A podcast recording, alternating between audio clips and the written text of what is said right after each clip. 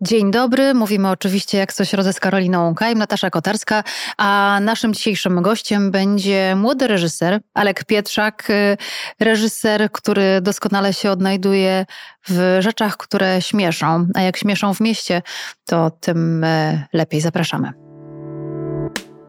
Partnerem audycji jest Finne.pl. To platforma, dzięki której firmy łatwo znajdują miejsce na kolejne biuro, coworking lub magazyn. Tylko zweryfikowane oferty z bezpośrednim kontaktem do właściciela.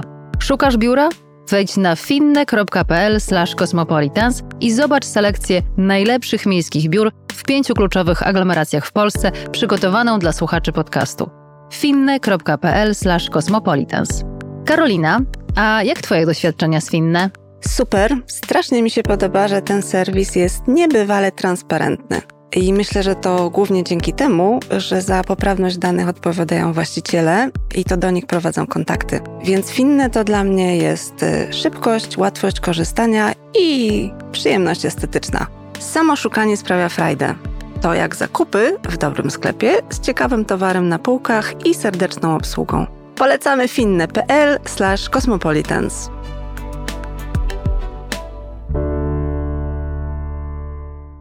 Karolina Kain, Blueprint, Natasza Kotarska i Aleksander Pietrzak. Witamy cię serdecznie. Hej, dzień dobry, cześć. Dzień dobry. Y, ja przyznam szczerze, od razu z Alkiem spotkałam się jesienią y, i jak posłuchałam wielu jego historii y, miejskich i nie tylko związanych z planem zdjęciowym, filmem, ale nie tylko, to pomyślałam, Karolina, mam dla ciebie fantastycznego gościa i koniecznie muszę was poznać. Rozmawiam z nim jak z osobą i reżyserem super dojrzałym, bardzo doświadczonym, a potem się dowiaduję, że tak naprawdę jest, jeszcze jest na początku swojej y, zawodowej drogi, którą odkrywa, w której eksperymentuje. I przyznam szczerze, mocno mnie to fascynuje. Y, w jakim momencie spotykamy Cię dzisiaj, Alek? Pomiędzy. Y, dziękuję w ogóle za, za wstęp, bardzo mi miło. Y, ta nasza, nasza współpraca bardzo ciekawa, bo to było akurat po półtora rocznej przerwie mojej w niereżyserowaniu, bo zrobiłem e, e, festiwal filmowy w Płocku, takie małe, małe, wielkie marzenie trochę spełniłem, takie trochę na boku. Taki trochę pomysł, żeby mieć jakąś taką inną nóżkę biznesową, ale w kulturze opartą, opartą na, na moje doświadczenia z, związane z kulturą i z komedią, bo to Big Festiwalowski, festiwal sztuki komediowej, nie tylko filmowej. I powróciłem do reżyserii, bo bardzo stęskniłem się za nią. I robiliśmy, festi- robiliśmy serial Kamera Cafe, który skończyliśmy przed samymi świętami, a teraz zaraz wchodzę w kolejny serial e, dla stacji Kanal Plus. E, za chwilę, za dwa tygodnie w zdjęcia, znowu komediowy, parodystyczny. Y, I potem w maju mam robić kolejny serial, a potem kolejną edycję festiwalu, więc w międzyczasie mm, rozwijając kilka swoich filmowych, e, szczególnie dwa filmy. Więc y, wróciłem na bieg, ogarniając dwie edycje festiwalu, wróciłem na bieg reżyserski. Właśnie jestem na tej drodze takiego nabierania rozpędu ponownie. A dlaczego komedia? I ukułem sobie taką rozkminkę, e, wszedłem głębiej, żeby, to, żeby o tym pomyśleć. Po pierwsze, zawsze byłem optymistyczny, ale po drugie, ja się bardzo przykładam, wkręcam i angażuję na, na 1000% w to, co robię. Co to znaczy, że też zauważyłem, że przejmuję bardzo emocje, jak jestem na planie i robię coś konkretnego. Jak jest smutno, to potrafię zapłakać razem z aktorem przed podglądem. Jak jest wesoło, to się cieszę, raduję i się śmieję. I mam dobry humor. I generalnie moja natura optymistyczna wymaga tego, żeby właśnie mm, podgrzewać się, wrzucać sobie te takie kawałki drewna humorystyczne, żeby zachować tą, tą lepszą energię i uśmiech. I chyba stąd mam ciągotę nie do dramatów, horrorów, smutnych, ciężkich rzeczy, ponieważ ja bym był taki na co dzień wtedy. Ja bym chodził z tymi historiami, ja bym je przeżywał, ja bym na planie odburkiwał ludziom i tak dalej. Myślę, bo byłbym taki właśnie w takim sosie yy, pochłonięty tym, co robię. A kiedy jest to komedia, oczywiście nie uciekam od rzeczy dramatycznych, rzeczy yy, smutnych, rzeczy refleksyjnych i tak dalej, bo bardzo bo to też jest potrzebne i to lubię i lubię łączyć te dwie rzeczy, ale ta komedia pozwala mi zachować ten radosny jakby nastrój, mimo tej ciężkiej pracy, jaką jest e, reżyseria filmowa i w ogóle robienie filmów. No. Natasza napomknęła tajemniczo we wstępie, że jakieś miejskie historie mają, czy grają ważną rolę w Twoich reżyserskich odsłonach. Oprócz tego, że kocham w ogóle miasta i, i przechadzanie się po miastach i i słuchanie miast, i odkrywanie miast, i parków, i tak dalej. I w ogóle, jeżeli chodzi nie tylko o nasz, naszą Warszawę, ale, ale i całą, i, i, i gdzie, pod, gdzie, gdzie, nie podróżuję, to po prostu nie mogę nie chcieć po prostu się gdzieś iść, wyjść i zagubić. Albo wsiąść na rower, wypożyczyć rower czy hulajnogę i po prostu sobie pojeździć, żeby popatrzeć sobie na różne zakamarki, jak ludzie mieszkają, żyją i tak dalej. To, to na pewno mam w sobie. A wczoraj patrzyłem, wiem, y, co, co mnie ostatnio takiego miejskiego złapało, szczególnie jeżeli chodzi o Warszawę, ten kontekst kontekstu, że siedzimy dzisiaj na, na, na tej ulicy e, przy pomniku lotnika. Koleżanka do mnie napisała, aktorka, która gra w moim filmie, powiedziała, ale kolega pyta, reżyser, w jakim parku kręciliśmy tę scenę? Ja otworzyłem sobie mapę Warszawy, musiałem sobie przypomnieć i tak szukałem po parkach i mówię, kurczę, ja znam, przez to, że dokumentuję dużo, robię, robię filmy, robię seriale i tak dalej, to dokumentuję bardzo, jestem w miejscach, w których na co dzień nie mógłbym do nich wejść. Jestem w miejscach, których nie mógłbym zobaczyć, gdybym nie był reżyserem. I poznaję tą Warszawę oprócz miejsc, do których chodzę do pracy, mam swoje biuro i swój, swój, swój dom i swoją dzielnicę. I najczęściej te znamy rejony, a reszty Warszawy niekoniecznie. A jak patrzyłem, to, to szybko byłem w stanie zlokalizować, gdzie ten park jest i wysłać koleżance, który to był. I oczywiście dokumentując park, no to oglądaliśmy 10, żeby wybrać ten jeden dobry. I w, przy każdym projekcie, szpitale to samo. Zresztą szpitale warszawskie chyba we wszystkich byłem, jakby sprawdzając, gdzie można co nakręcić yy, przez lata. I odszukując waszą ulicę, zobaczyłem ulicę i tak mówię, a to chyba będzie blisko pomnika lotnika i że mam też dobrą orientację taką w przestrzeni przez to, że jestem reżyserem i te lokacje są jakimś bardzo ważnym punktem pracy E, reżysera i operatora i szukania wizualnych takich odniesień. Nie? Wczoraj analizowałam film y, Spragnienie Miłości i oglądałam mhm. wypowiedź Christiana Doyle'a, Doyle'a tak. o operatora. tym, tak, operatora tego y, filmu. No tam obraz ma wielkie znaczenie i mam wrażenie, że to on bardziej robił ten y, mhm. film niż sam reżyser też, ale opowiadał o tym, jak właśnie w Bangkoku chodził dokumentując ulicę mhm i mówił, że te ulice już opowiadały historię, bo film jest o miłości, o samotności, o rozstaniu i o traumie. I jak gdyby ta ulica i ten mur w Bangkoku, rozpadająca się ulica, była dla niego właśnie symbolem rozpadających się związków. Mhm.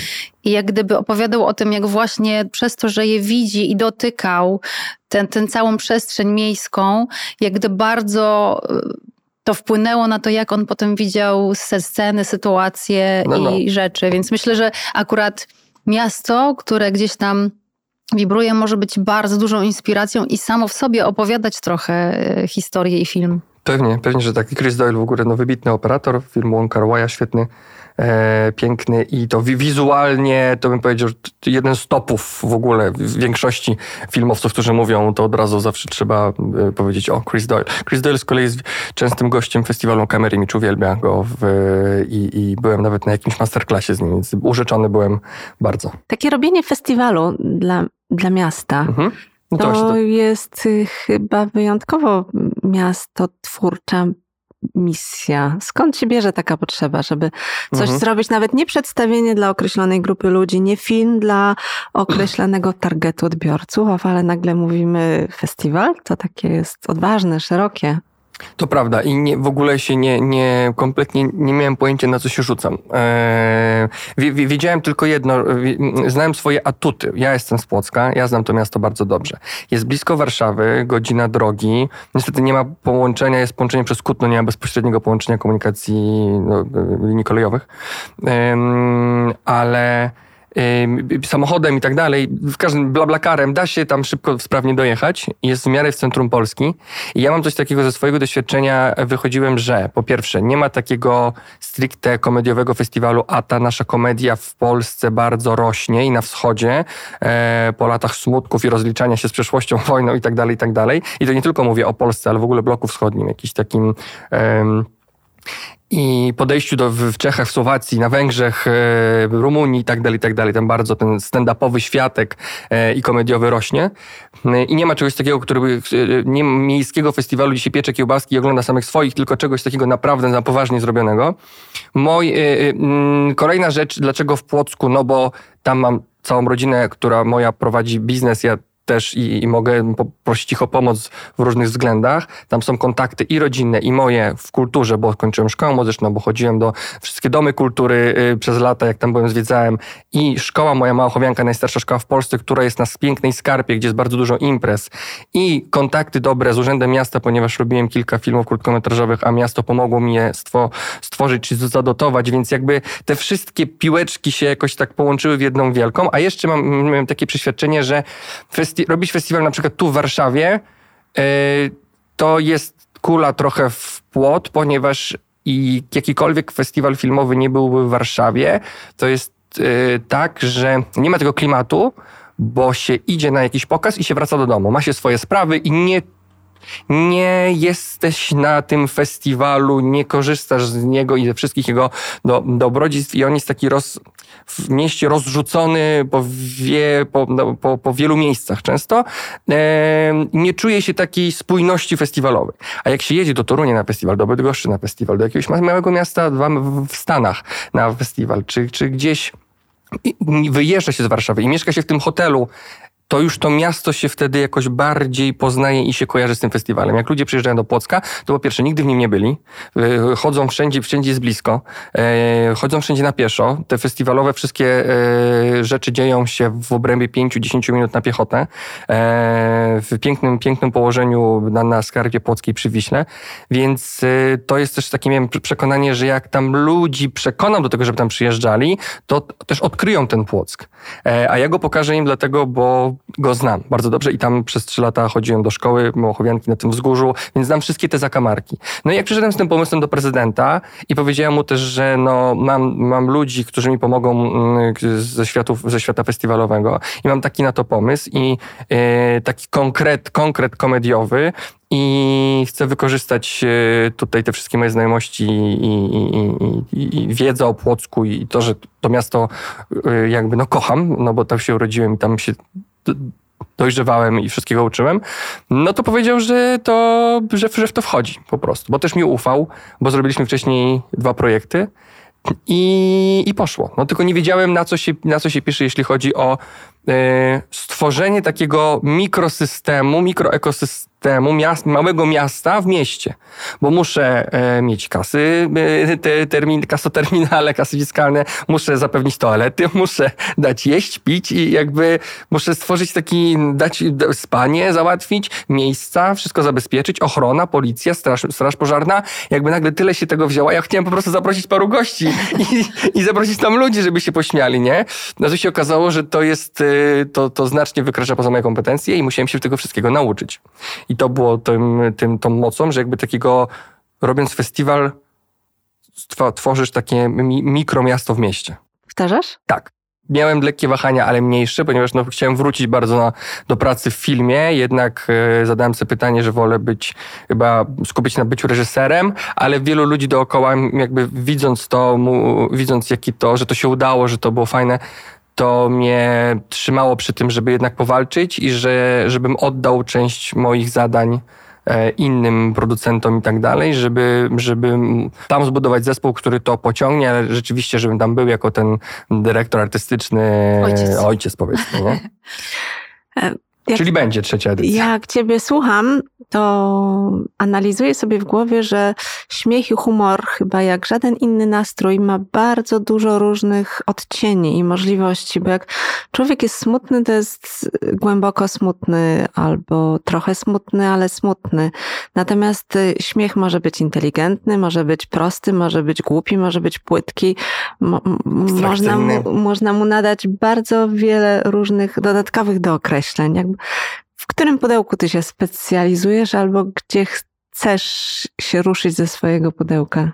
Cała zabawa polega na takiej wszechstronności, płynności i zabawie właśnie międzygatunkowej, jeżeli chodzi o, o tą komedię, bo jeżeli ja bym miał nazwać swoją twórczość, to bym powiedział, że są to bardziej komediodramaty, jest to obserwacja życia i szukania w nim absurdów e, pewnych i niepowodzeń, które, które mogą z zewnątrz bawić, e, czy jakichś takich zderzeń, które mogą bawić, e, kontrastowych świata, nieporozumień pewnych, które dają jakby nam dramatyczną historię, ale opowiedzianą w lekki sposób. No i to jest jakiś taki mój przez lata utkany pomysł na siebie, żeby, jeżeli opowiadam swoje filmy, to żeby nie przerysowywać, nie nie przeginać e, tej komedii, tylko żeby szukać jej gdzieś z prawdy i z życia. Ale mimo wszystko w naszym, w naszym życiu też jest sporo absurdów, więc jakby to nie jest tak, że komedia absurdalna jest tylko w komedii, która jest jakby taka szeroka, e, teatralna, absurdalna. To nie tylko Monty Python, ale gdybym miał powiedzieć, jaka mnie najbardziej też bawi i jaką... A jeżeli chodzi, może inaczej, jeżeli chodzi o kontekst festiwalu, to tam zapraszam wszystko. Po prostu co jest dobre. E, więc każda, każdy rodzaj komedii, każdy rodzaj humoru, uśmiechu, co nas inspiruje, e, nawet nie bawi, ale po prostu sprawia, że się uśmiechamy, e, to jest, e, e, wszystko to wchodzi. A jeżeli chodzi o mnie prywatnie, to chyba najbliżej mi do jakiejś takiej absurdu i ironii, takiego inteligentnego dowcipu, takiego schowanego gdzieś, to to mnie najbardziej bawi, tak. Jest jakiś taki mm, film albo utwór, może literacki, e, z tego gatunku, który byś powiedział, że jest dla ciebie takim wzorem jakimś. No to, no to muszę o tym, muszę powiedzieć o filmie Biklebowski e, braci Cohen, bo ponieważ festiwal, który stworzyłem, stworzyliśmy, nazywa się Big Festiwalowski. E, jakby ten The Dude, koleś grany przez Jeffa Bridgesa jest jakimś takim emblematem, jakimś e, wzorem Sewr. Naszymi nagrodami są e, szlafroki i dywany, ponieważ to są dwa główne, charakterystyczne takie rekwizyty, elementy tego świata w Zbigu Lebowskim. On chodzi cały czas w szlafroku. O dywan tak naprawdę chodzi. Pomyliono jednego Lebowskiego z drugim, zabrali, nasikali mu na dywan i on próbuje znaleźć tego drugiego Lebowskiego, żeby mu oddać oddał, e, oddał kasę za dywan albo jakoś zadośćuczynił temu, że ich pomylono. E, I, i to byłby chyba, to byłoby chyba to. A jeżeli chodzi o, na przykład też ostatnio, no to w, w Polsce 1670, prawda, serial, często omawiany ostatnio i szeroko e, komentowany. E, to jest coś na przykład współczesnego w Polsce, co, co mm, warto, na co warto na pewno zwrócić uwagę. No mógłbym tak wymieniać i wymieniać, ale jeżeli chodzi o ten jeden, to, to Biklebowski.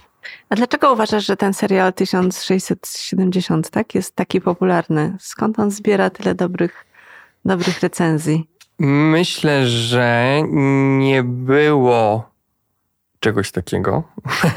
w sensie, że komedii historycznej em, zrobionej nie w sposób taki dom z tektury, wąs doklejony byle jak, bo udajemy po prostu i bierzemy to w nawias, tylko zrobionej naprawdę bardzo precyzyjnie i bardzo wizualnie e, ładnie i profesjonalnie i naprawdę tak, że jak jest brud i błoto, to jest brud i błoto i brudzimy te kostiumy i nie, nie boimy się, że są z wypożyczalni i nie brudzimy ich, bo trzeba je oddać i dużo by kosztowało ich odnawianie, tylko naprawdę tam jest syf, kiła po prostu brud, choroby yy, i, i a przy tym jest to komediowe, czyli ten, ten, to zderzenie i tak, i tak bardzo absurdalne i inne, a przy tym mówi dużo prawdy o jakiejś takiej, no nie prawdy takiej dosłownej, ale takich, takich przywar, trochę wiadomo w krzywym zwierciadle pokazanym, nawet czasami bardzo w krzywym zwierciadle, ale jednak o coś chodzi, jeżeli o tą, o tą polskość, o tą dziwną, absurdalną szlacheckość i przywary polskich szlachciców, opisywane często pijaństwo, głupota e, i tak dalej, i tak dalej.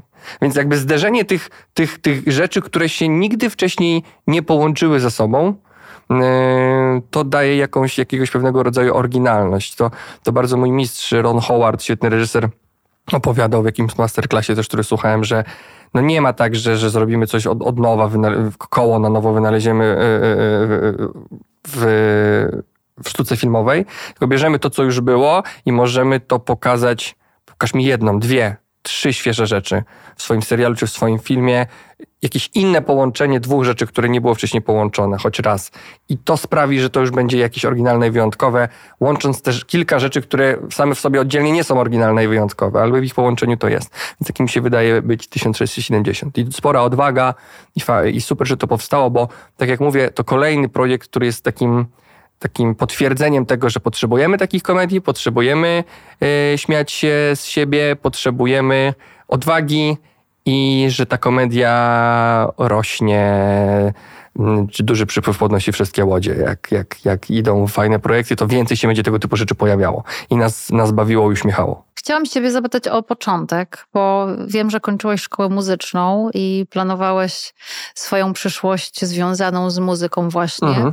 E, co się wydarzyło, że zmieniłeś zdanie i stwierdziłeś, że reżyseria, film ja ciągle zmieniałem zdanie, bo ja byłem taki bardzo, wszystkiego musiałem spróbować i yy, Yy, I chciałem powiedzieć ADHD. Ja nie, nie, nie mam chyba ADHD i teraz modne jest mówić, że ma się albo sprawdzać, czy ma się, ale oczywiście nie, nie, nie, nie, nie, przy, nie przytykając się do nikogo, ale chciałem powiedzieć metaforyczne ADHD, nie? że po prostu wszędzie było mnie pełno i po prostu i była szkoła muzyczna, i była lekka atletyka, skok wzwyż, yy, jeździłem na Mistrzostwa Polski i było i, i dużo, i, i kręciłem, i robiłem, i grałem w teatrze w Płocku, w amatorskim, i robiłem zdjęcia, i potem zakręci, zainteresowałem się filmem, E, i śpiewałem w chórze i, te, i fortepian i tak dalej i ciągle było coś innego. Może będę informatyka, może będę prawnikiem, bo, bo miałem gadane, bo byłem wyszczekany, nie wiem. I, I na koniec jakoś mi się tak to złożyło, będę, będę aktorem, bo jakoś mi dobrze szło, wygrywałem konkursy recytatorskie i tak dalej, i tak dalej. A z tego mi się to przerodziło, mówię, kurczę, mam tyle zainteresowań i może połączę to wszystko i jakoś mi się to ułoży pięknie właśnie w reżyserię. Bo reżyseria jest czymś takim, że bierze ze wszystkiego. I rytm e, bierze nie tylko ze szkoły muzycznej, ale z dwutaktu, który trzeba było zrobić przed skokiem wzwyż i tak dalej, i tak dalej. I z jakiegoś rodzaju motoryki ciała i, i współpracy z aktorem i choreografii i, i, i jakby czerpię ze wszystkiego, co robiłem jako dziecko, jako młodzieniec, e, student, do, do tej mojej reżyserii wkładam, bo no, nigdy nie wiesz, czy coś się tam przyda, jaka wiedza i tak dalej. To ma swój ogromny plus w tym, że e, ta moja ciekawość świata jest e, nasycana fajnie e, w tej reżyserii, bo ciągle mogę spróbować czegoś nowego, każdy projekt jest zupełnie inny i muszę wiedzieć po trochu o wszystkim, ale niestety duży minus jest taki, że nigdy nie ma na tyle czasu, żeby móc tak wsiąknąć w jakiś temat, jakby się bardzo chciało. Więc to tutaj ubolewam, że już, już zainteresowałem się czymś, już muszę przeskoczyć dalej, doba ma 24 godziny, ja już się zaczynam męczyć, wypalać, nie wiem, za dużo jest, no dobra, tam to muszę zostawić, idę do nowego. Nie? Czy reżyser musi być takim podglądaczem? To jest właśnie jeszcze jedna rzecz a propos miasta. E, do tego kontekstu będę wracał, no bo rozmawiamy też tutaj o tym, że uwielbiam chodzić po mieszkaniach ludzi na dokumentacjach i patrzeć, jak żyją w mieście właśnie. Jak mają, jak mają w pokojach, w domach, jakie mają książki, kim są, jakie kolory, jakie obrazy na ścianach i zdjęcia i tak dalej. Tak samo u was tutaj, pierwsze co, to się rozglądam, co tu macie, jak tu macie. E, to jest e, bardzo, bardzo ciekawe i tak podglądam. E, teraz często też podglądam, mam jakąś taką mm, dziwną, może nie powiedzieć fascynację, ale dużo czytam komentarzy na, w social mediach, na YouTubie i na Facebooku i tak dalej. Ja się w ogóle wyciąłem z tego, e, z komentowania czegokolwiek, jeśli chodzi o tego typu historie, czy nawet jak mam jakieś mocne zdanie na jakiś temat, to raczej nie będę komentował tego. Nigdy nie wiesz, kto to patrzy, kto ogląda, za ile lat co się zmieni, kto ci wytknie tą, a nie tą wypowiedź, kim będziesz i tak dalej, i tak dalej, i tak dalej. Lepiej zachować to dla siebie, ale obserwacja tego sprawia często dziką przyjemność i jest jakąś taką taką rozrywką dziwną i wchodzę, głęboko wchodzę w te komentarze i się, i się jednocześnie dziwię, a jednocześnie nie dziwię, no bo jednak znajomość ludzkiej natury powinna właśnie nie dziwić, że, że, że takie są odpowiedzi kłótnie i taki, taka też ilość nieporozumień które by się można łatwo było jakoś wyjaśnić, ale się nie da, bo jak wejdziesz między te kłótnie, no to trzeba albo tak, albo zero, albo jeden, albo czarne, albo białe. Nie? No i to właśnie ta, tak, odpowiadając na to pytanie, mówiłem wam, że mogę tak dygresję w dygresję w dygresję, ale tak, jest podglądaczem, powinien być podglądaczem. I ja, ja taki też trochę jestem. Gdzieś jestem, to na, nastawiam uszu, kto o czym rozmawia w restauracji, w komunikacji, w urzędzie. E, zawsze jakiś ciekawy wpadnie tekst, dialog. Byłeś też podglądaczem wielu planów e, filmowych e, niepolskich. E, powiedz, czy to rzeczywiście jest inna rzeczywistość, Hollywood? Trudne pytanie, bo znowu można by z wielu, z wielu punktów widzenia na to spojrzeć. Powiedziałbym i tak i nie znowu. Hmm.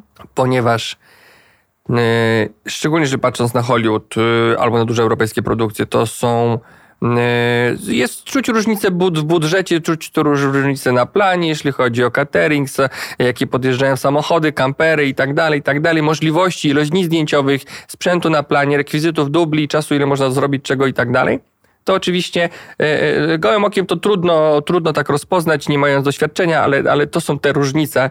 Ale to i tak nie we wszyscy, nie mówię o każdej produkcji innej niż polska, bo są polskie superprodukcje, jak i są zagraniczne produkcje również mniejsze, które będą mieli mniej sprzętu i mniej czasu na, no wiadomo, na, na kręcenie filmu. Ale bo, bo, bo, bo, bo byłem na dużych polskich produkcjach, ale byłem i na dużych zagranicznych kręconych w Polsce, ale byłem też, widziałem Byłem na planie u Tarantina, jak kręcił ostatni swój film, ten o Romanie Polańskim, który był tam jednym z bohaterów, grany przez Rafała Zawieruchę. E, to też akurat był festiwal polskich filmów w Los Angeles, byliśmy zaproszeni, akurat Rafał Zawierucha miał coś tam na planie i byśmy go tam w kilka osób odwiedzili. I to nie tak, że wyszliśmy na plan i tak dalej, tylko widzieliśmy go z zewnątrz. To z zewnątrz tak naprawdę wyglądał jak każdy inny polski plan. Oni kręcili akurat sceny w kinie e, jakimś i na zewnątrz były mm, statywy, które wyglądały troszeczkę inaczej, były oklejone, ale były te same statywy i tak dalej, i tak dalej, i tak dalej. No ale jak się potem patrzyło na pewne zdjęcia z tej produkcji, no to wiadomo, no, no nie widziałem nigdy czegoś takiego, że żeby nad autostradą wisiało 10 wielkich podnośników, które tą autostradę w specjalny sposób oświetlają, e, bo wtedy były inne, w 70 latach były inne rodzaje chyba lampy, nie LEDowe, tylko sodowe e, na autostradach, więc trzeba było inaczej to oświetlić. E, no to czegoś takiego, no to nie wyobrażam sobie, żeby produkcja tutaj w Europie czy w Polsce mogła sobie na coś takiego pozwolić. Ale w takich scenach zwykłych, no to więc doszedłem, doszedłem do tego, że bo miałem wielką ochotę w, i taki wielką ambicję, wielki taki drive do tego i byłem, byłem z pięć razy w Stanach, w Los Angeles przez, w ciągu kilku lat, w trakcie kiedy robiłem debiut i zapraszano mnie tam na różnego rodzaju festiwale i dostawałem nagrody i miałem taką ciągotę, że Jezu, już tak blisko jestem tego Hollywood, może by tam spróbować, może by tam wejść. Tylko zacząłem myśleć sobie, że w tym momencie nie ma aż tak wielkiej różnicy w tym, że mógł, mogę zrobić i tu w Polsce piękny i zabawny film, i tam mogę zrobić piękny i zabawny film, a tu go zrobię szybciej, ponieważ yy, tutaj mam większe możliwości, dużo i tu już robię i tu znam bardzo dużo ludzi w branży i łatwiej mi zdecydowanie dojść do tego, a tam musiałbym zaczynać od zera. I znowu od jakiegoś asystenta i tak dalej, i tak dalej się gdzieś grzebać. A jest jeszcze inna droga, jest taka droga, że jeżeli tutaj w Polsce zrobię taki film, za parę lat mi się uda zrobić taki film od początku do końca, jaki chcę, mój, moją autorską wypowiedź. I zdobędę na to, na to środki takie, jakie chcę, bo na razie te dwa filmy, które zrobiłem do tej pory, to były takie trochę, powiedziałbym, wprawki, moje początki, moje pierwsze dwa, oczywiście dałem z siebie wszystko i tak dalej, ale to nie były moje, moje takie wypowiedzi w pełni, jeszcze nie dano mi takiej wolności twórczej. To jeżeli taki film się gdzieś obejrzy na świecie, na jakimś festiwal się dostanie i tak dalej, to nagle pewnego dnia przyjdzie propozycja, hej, może zrobisz film dla nas e, w języku innym, po angielsku, czy to jest w Europie, czy to jest w Stanach. Na pewno marzy mi się, żeby coś takiego zrobić, ale po, pomyślałem sobie, powiedziałem sobie, że trochę wyszedłem poza twoje pytanie, bo, bo zapytałeś o, o, o różnicę między polskim a zagranicznym, o zagranicznym filmem, ale uważam, że nawet przy tym, że tam w Ameryce jest tyle związków zawodowych, tak, reżyser nie może dotknąć kamery, że jest, jest tyle obostrzeń, tak się sprofesjonalizował do takiego stopnia ten plan, że tak naprawdę tutaj miałbym więcej swobody i wolności, żeby szybciej zrobić to, co chcę w ten sposób. Jeszcze tam przy takim silnym producenckim bardzo kinie, to zajęłoby mi to kilkanaście lat, żeby zrobić film taki, jaki chcę. i się tak artystycznie wypowiedzieć. A tu w Polsce, nawet mniejszymi środkami, mniejszymi pieniędzmi, ale z dużo większą wolnością i zaufaniem e, też środowiska i producentów, którzy mnie już tu jakiś od paru lat obserwują w Polsce, jestem w stanie szybciej e, na mniejszym planie, za mniejsze pieniądze zrobić coś lepszego i swojego.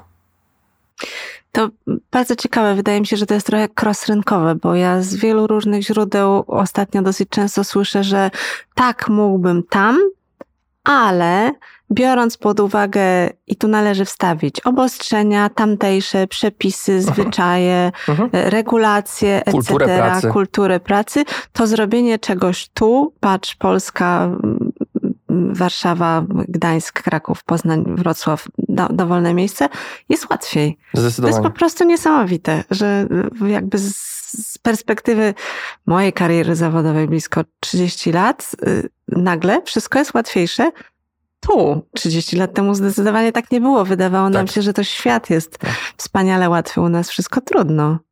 Ja, ja, ja, ja, szczerze mówiąc, uważam, że pomimo tych y, ciemniejszych trochę lat ostatnich yy, politycznie, yy, Polska jest w bardzo dobrym miejscu, jeżeli chodzi o yy, rozwinięcie kraju i możliwości, jeżeli chodzi też o sztukę i kulturę i wykładam w Warszawskiej Szkole Filmowej również na zagranicznym, y, na, na, jakby roku, roku zagranicznym, gdzie mamy, gdzie na pierwszych zajęciach pytam, dlaczego tu są, przyjechaliście do Warszawskiej Szkoły Filmowej, a nie do Paryża, Londynu, gdziekolwiek, Madrytu, do Stanów i tak dalej, no to pierwsze co, że jakby mm, oferujemy tutaj najlepszą cenę do jakości.